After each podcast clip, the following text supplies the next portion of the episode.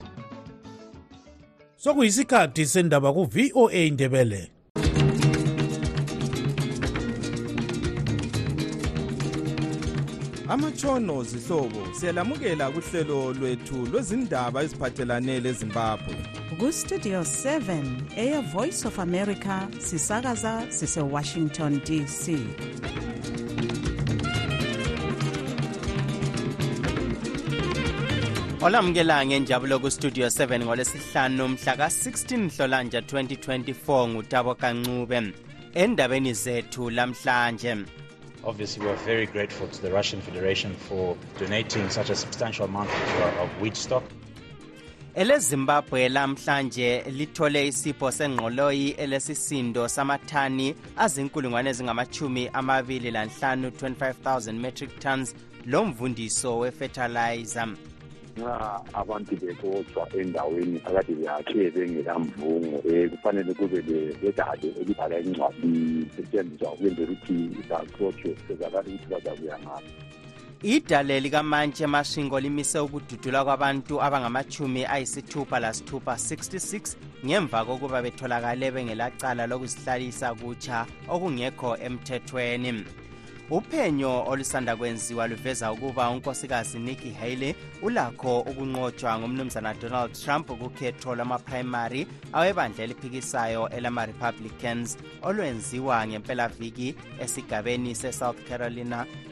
khonapha emelika zonke lezi ndaba lezinye lizozizwa kulumsakazo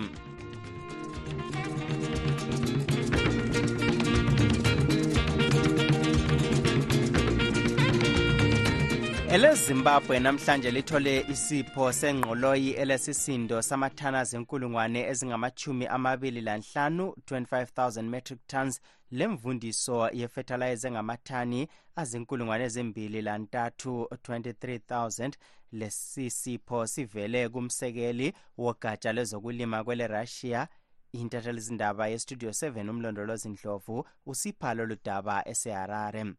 uhulumende ubonge kakhulu elerussia ngosizo lolu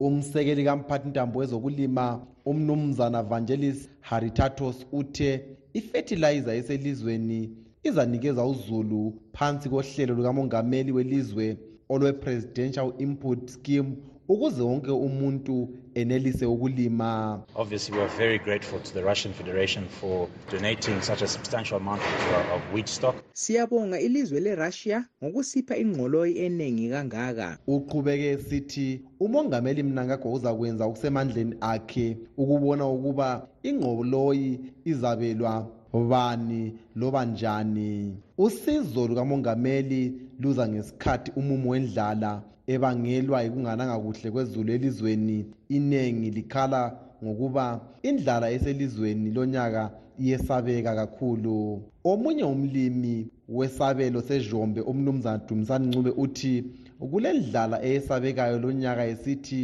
uthemba ukuba uhulumende uzasiza abantu ngokudla ngokwamanje izulu lingabuya kwakathesi kodwa soze sikwanise ukuthi sizathola ukuthi umumbu wokuthi siwose awuhulumende siyamtshela ukuthi engakwanisa ukuthi uma esincedise izithole kokudla nxa ukuthi kwakathesi kutshengisa ukuthi phambili lekwethu akulo kokudla uhulumende sicela ukuthi esincedise lokhu kusekelwe ngenye ingcwethi kwezokulima umnumzana ryan chuma othi iningi labantu lonyaka lizathwala nzima um sikhangelane um le ndlala enkulu ikakhulu kumnyaka yona lo we-2023 2024 sizini ngoba izulu alinanga okukhulunywe nguncube yisimo esiselizweni lonke kulandela ukungani kuhle kwezulu lonyaka elizweni lonke okucatshangelwa ukuthi kudalwe ukuguquka komumo womkhathi emhlabeni jikelele lokhu kuphume emhlanganweni owenzelwe edolobheni lemaswingo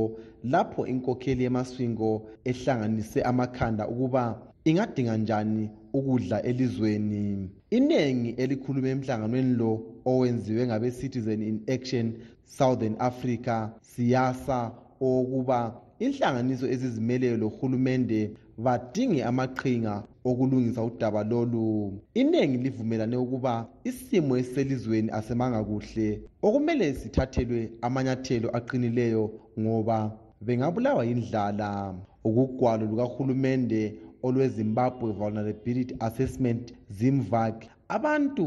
abedlula izigidi ezintathu bazadinga ukudla elizweni inhlanganiso ye-world food program yona ithi isadingisisa indlela zokuba izaphathisa inani elinganani labantu abadinga uncedo lokudla okuphuthumayo njalo kuziphi indawo elizweni lonke isebenza lohulumende kusenjalo elezimbabwe lilobelana isivumelwano lelebelarus sokwakhiwa kweziphala zamabele ezizanikezwa inkampani yegrain marketing board gmb ngimele istudio 7 ngiseharare ngimlondolozi ndlovu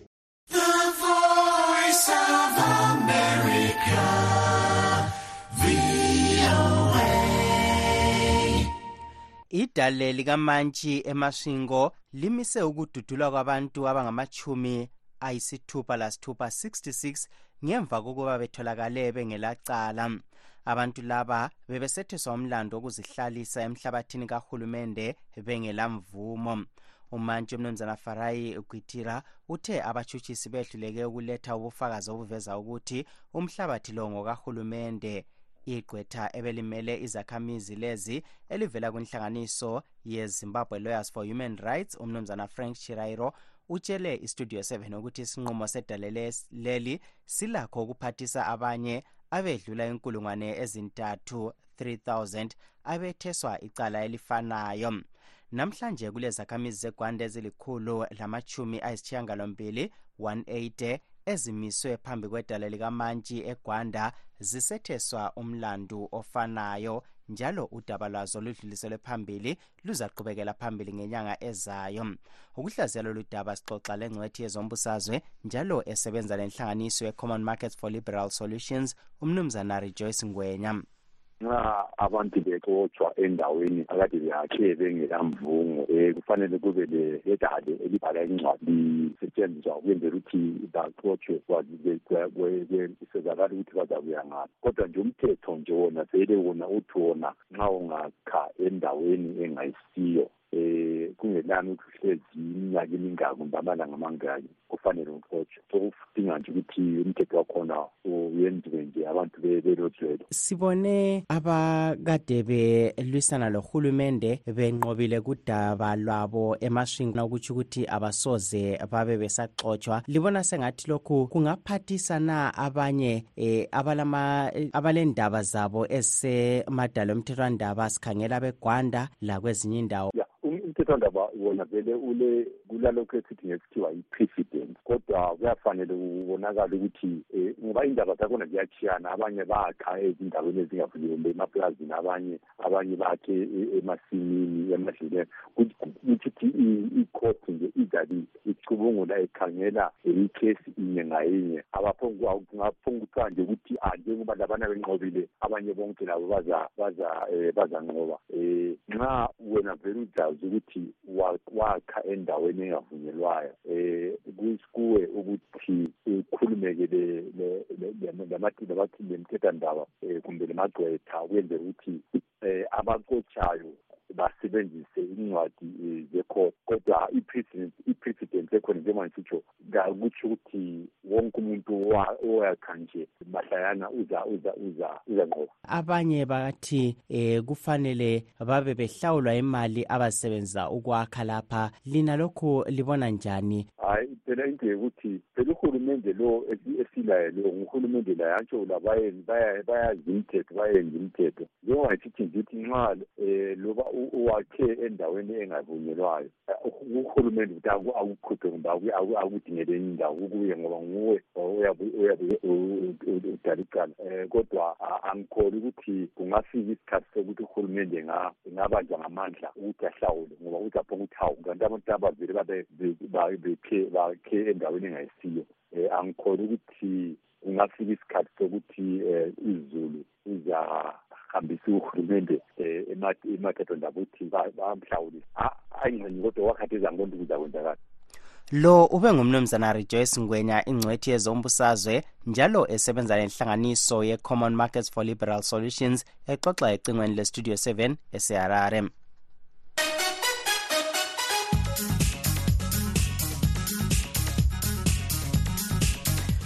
kwezemelika ukhetho lokudinga ozamela ibandla lama-republicans kukhetho lukamongameli elizweni leli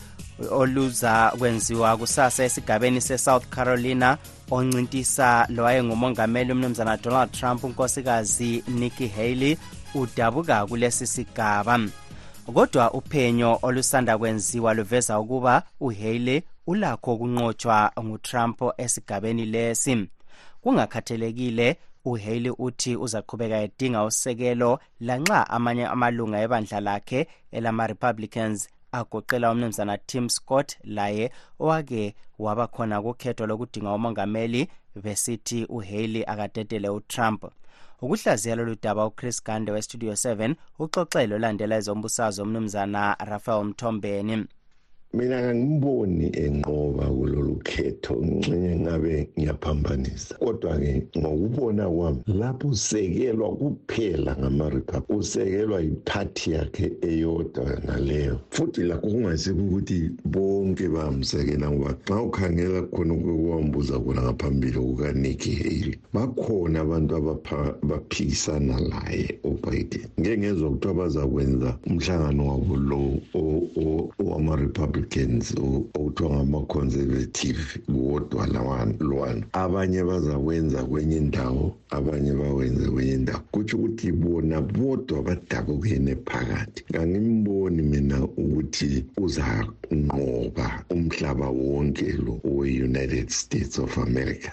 ngibona ngathi ubiden angabe le nhlupho zakhe laye ikakhulu khonokho kobudala bakhe kodwa-ke abantu babona ngathi ungcono kulo trump ngibona ngathi kasoze anqobe mina umhlaba wonke lo yena umnumzana trump siyabona ukubana elokhu elosekelo ubona ungani uzakwenza njani nxa kuyukuthi nguyonqobileyo ukuthi engayenza kuhle yini esemisane lomongameli joe biden ngiyaphinda futhi ngibuyele khonaphana kuma-republicans ukuthi khona ama-republicans angathi kawayazi into ayenzayo okwakhathesi ngoba eqinisweni bebeqale ngokusekela impi le e-ukraine kodwa ngenxa yokuthi utrump nguye ongayisekeliyo khathesi bonke sebephonga ukuhlehlela emuva bonke sebephonga udonsa inyawo bonke sebephonga sebephongwala into esegcekeni ebonakala benzelani utrump wenzela ukuthi yena ngangena abesengathi nguye omise impi ye-ukraine esekhulumela umngani wakhe lo uputin ukuthi khona hhayi wena yekela lokhu akume kancinyane kodwa eqinisweni ukuthi yona irussia yiyo eyahlasela ilizwe le elingasilo layo ele-ukraine so-ke yona yiyo ephambanisileyo ukuhlasela ilizwe elingumakhelwane angiboni iphumelela lindaba ngoba umuntu ongudrayiva wayo nguyena lutrump labo kumele bavumelane lokuthi baphiwe imali sebedonsa inyawo njengabasezwakala ukuthi bathini umnumzana rafael mthombeni ngolandela ezombusazwe elemelika ubexoxa ecingweni lochris gande esetexas khonapha kwelemelika okwamanje wothi sizwe udaba oluveza imibono kahulumende wemelika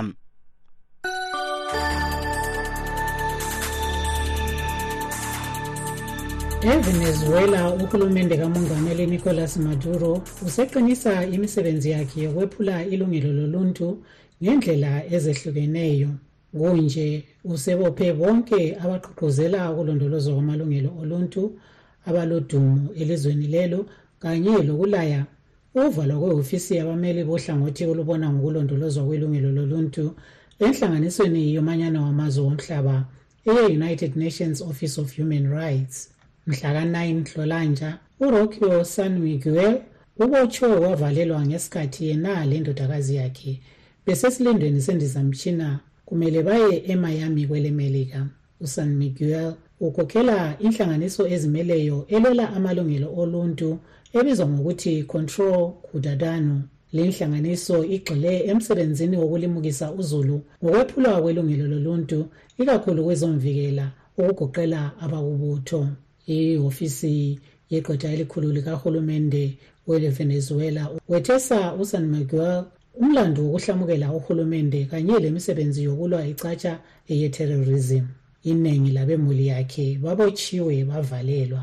bazokhululwa ngemva kwensuku ezimbalwa kodwa balaywa ukuthi bana bengalokuthi baphume elizweni umcebisi omkhulu kahulumende welemelika unational security communications advisor john kirby uthi ilizwe lakhe likhathazekile kakhulu ngokubotshwa kukasen magual eqhubeka ethi uyananzelela ukuthi lokhu kwenzakala ngesikhathi umongameli maduro ekhangelelwe ukulandela iziqondiso zesivumelwano sokulondolozwa kwelungelo loluntu ese-barbados agreement asilobayo yena ngokwakhe labamabandla aphikisayo nyakenye ngolwezi umaduro uthembise ukusebenzela ukuba lesimo esihle sokulungiselela ukhetho oluzaqhutshwa elizweni lelo lonyaka ngokuvumela ukuncintisa lokukankasa bekhululekile abakhokheli bamabandla aphikisayo uhlangothi lwezamalungelo oluntu enhlanganisweni yomanyano wamazwe omhlaba ole-united nations office of the high commissioner for human rights lalo luveze ukukhathazeka okukhulu ngokuvalelwa kwakhe lokukhuthaza ukubana akhululwe ngokuphangisa kodwa kulokuthi uhulumende kamaduro alalele linkuthazo uthethe elinye inyathelo lokulaya ihofisi yabameli be-united nations office of human rights ukubana luvale lihofisi elizweni lakhe phakathi kwensuku ezintathu ezilandelayo ekupheleni kwanyakenye umongameli maduro aze alobe isivumelwano isebarbados agreement kwaba lethemba lokuthi abantu basevenezuela bazaba lakho ukuthola umbuso wentando kazulu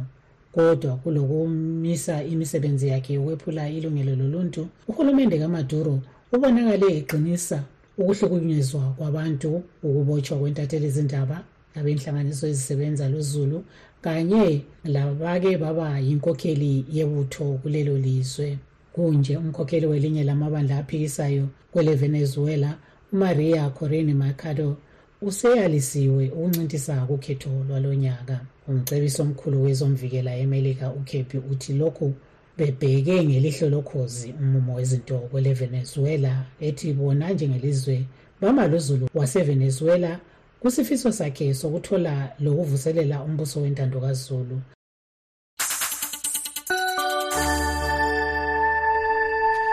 belilalele kudaba oluveza imibono kahulumende welemelika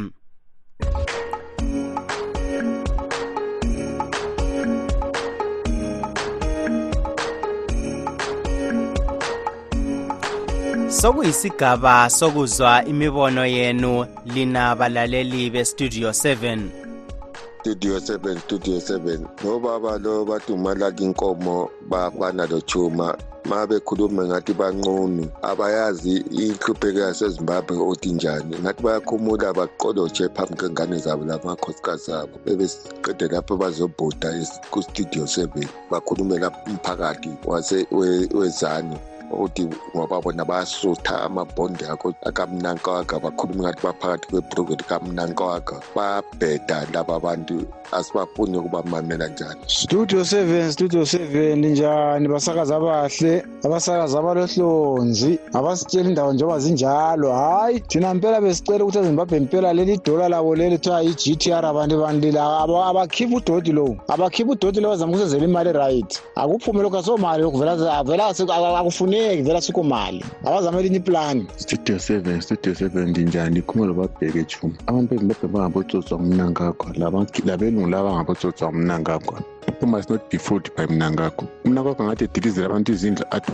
abantu babuye bazolungisa ilizwe labo labelungu yabavumela basibe kuleyo zimbabwe bafike bahlamukele is gonna change anytime is just fooling them so that they can come then he get a lot of money from them then he start chasing us the market. They must wake up these white people whom, are they, whom they are saying, hey, umnango wako say right, say first time kuma. Uyawazi akwenzela wenze tanga kusura amanye amazwe angaphandle kudizela abantu izindlu. Ibabhadalisa into ezingenamsebenzi azabhadalisele emgodi usathane lo. Abafundi abantu angabazi kunjani. These white people they don't know how Mugabe is. Ah. sanibonani sanibonani sanibonani ninjani kwastudio seven okhulumayo ngumanye athwala phana komansingo bengithi linjani lonke bantu basezelezele enyokeni linjani ngibulisa logogo wami umansingwalaphana enyokeni ngithi li-right lonke lapho studio 7 studio 7 linjani linjani hayi thina siyaphila likhuluma lo mthisi ya siyabezwa abantu laba ababezanu laba bathi umnankagwa kayengeni i-thirty ten hhayi umnankagwa thina abanye sikhathele bona abanye abantu bayamesabe ngokwesaba ukudilizela imizi thina silani lakho vele ukuthi vesihlale egangeni safa kudala so ekamnangagwa le hayi kangani bayama ngayo ilizwe lifile sihlezi egangeni kodwa lokho ebebhizi ababoni ukuthi ilizwe liyafa liyaphambili hayi ngingelawo amaningi lami ngithi ke like liba li-audio yami leni siyafaka ama-audio ethu kodwa ngena lisabali angikwazi ukuhamba njani ngiyabo um likhuluma lo jabani sithole siyeza lapha eh, udaba lwamaplazi abantu baxoshwa baxoshwa kwabuhlungu eh, emaplazini sibesicela uhulumende wasezimbabwe ngoba ixosha abantu ebanikeze indawo yokuhlala njalo uma ebanikeze abayakhele ama-two room two room two room babe nestart ngoba yibo azaphinda bamvotele futhi engaze wakhohlwa ukuthi uzabe setinga amavoti next election siyacela asili naye uhulumende yena nguye owasifakayo kulezo ndawo manje sesihlukumezi ungathi thina sasifaka siyabonga estudio 7 salibonani livuka njani labalaleli abalandeli bakachamisa babonisa obala ukuthi bona vele bangahambela uchavanga enyangeni bayomthakatha sebe-ektha ngathi ngabathakathi abalandeli bakachamisa okwamanje uchamisa uyedwa akhala tendai bithi welshman ncube job sikhala kanti laba kade bekhala ngokuthi job sikhala job sikhala bangaphi um angithi liyakubona-ke ukuthi ujob sikhala uthe ma eziphumela ejele wahlukana lochamisa ngoba uyabona ukuthi uchamisa kalanga labo ngabanye babalaleli bestudio 7 besipha imibono yabo lani lilakho ukusithumela eyenu imibono kunombolo ezithi plus 1 202 465 0318 Ithi woza woza Friday my darling woza Friday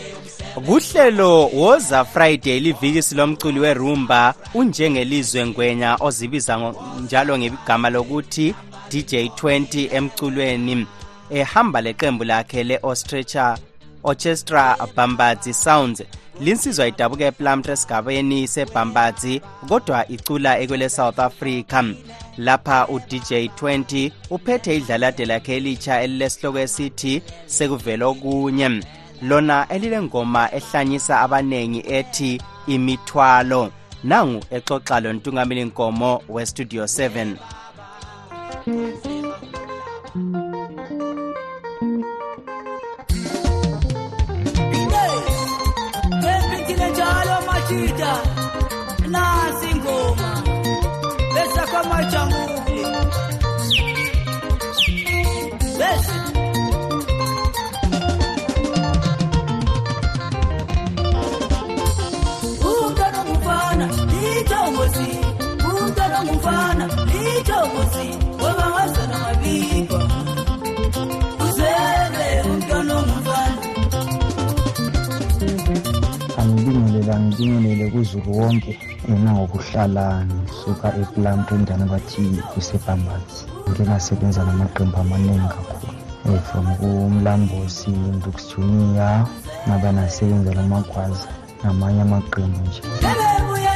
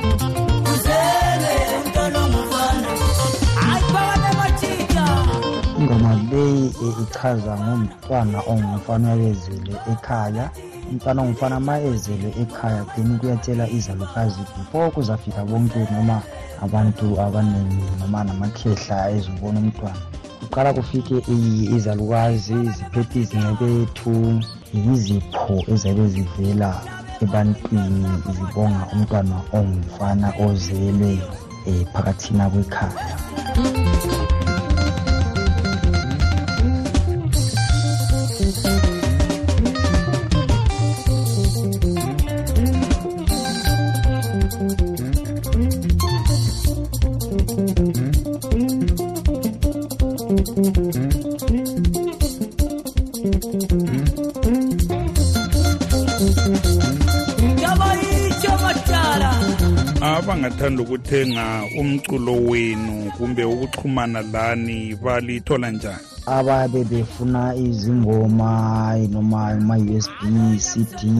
bayangithinta kule namba ethi 083 525 3344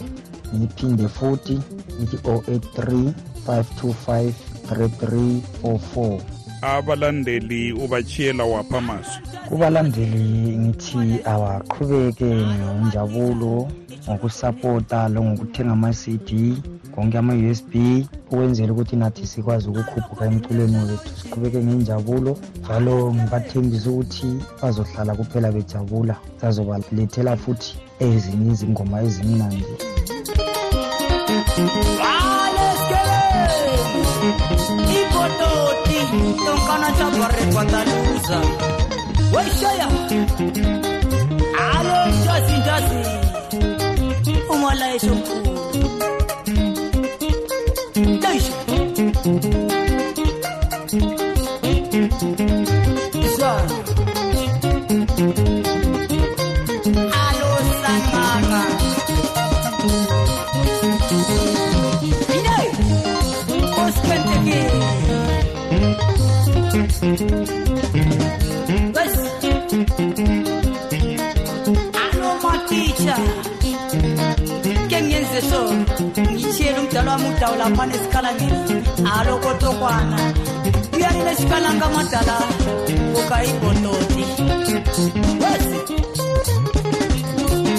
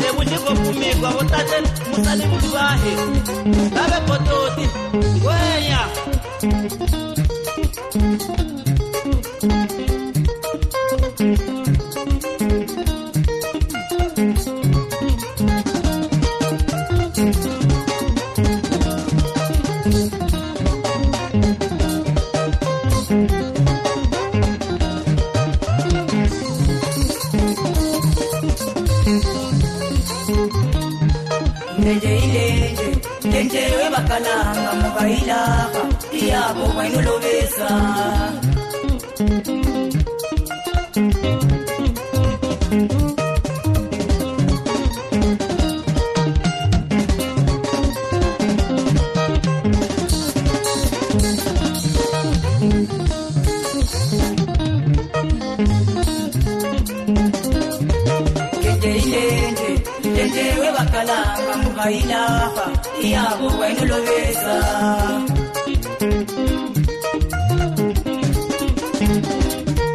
lo ube ngu njengelizwe ngwenya owaziwa ngegama lokuthi dj 20 ehamba le orchestra bambazi sound exoxa lo ntungamli nkomo owestudio 7 lingakhohlwa uhlelo lelandelayo live talk sikhangela udubo lwesimo sendlala embi ebhekane lezimbabwe ngenxa yokungani kuhle kwezulu singakehlukani zihlobo othi sikhangele ezinye zendaba ebezikhokhela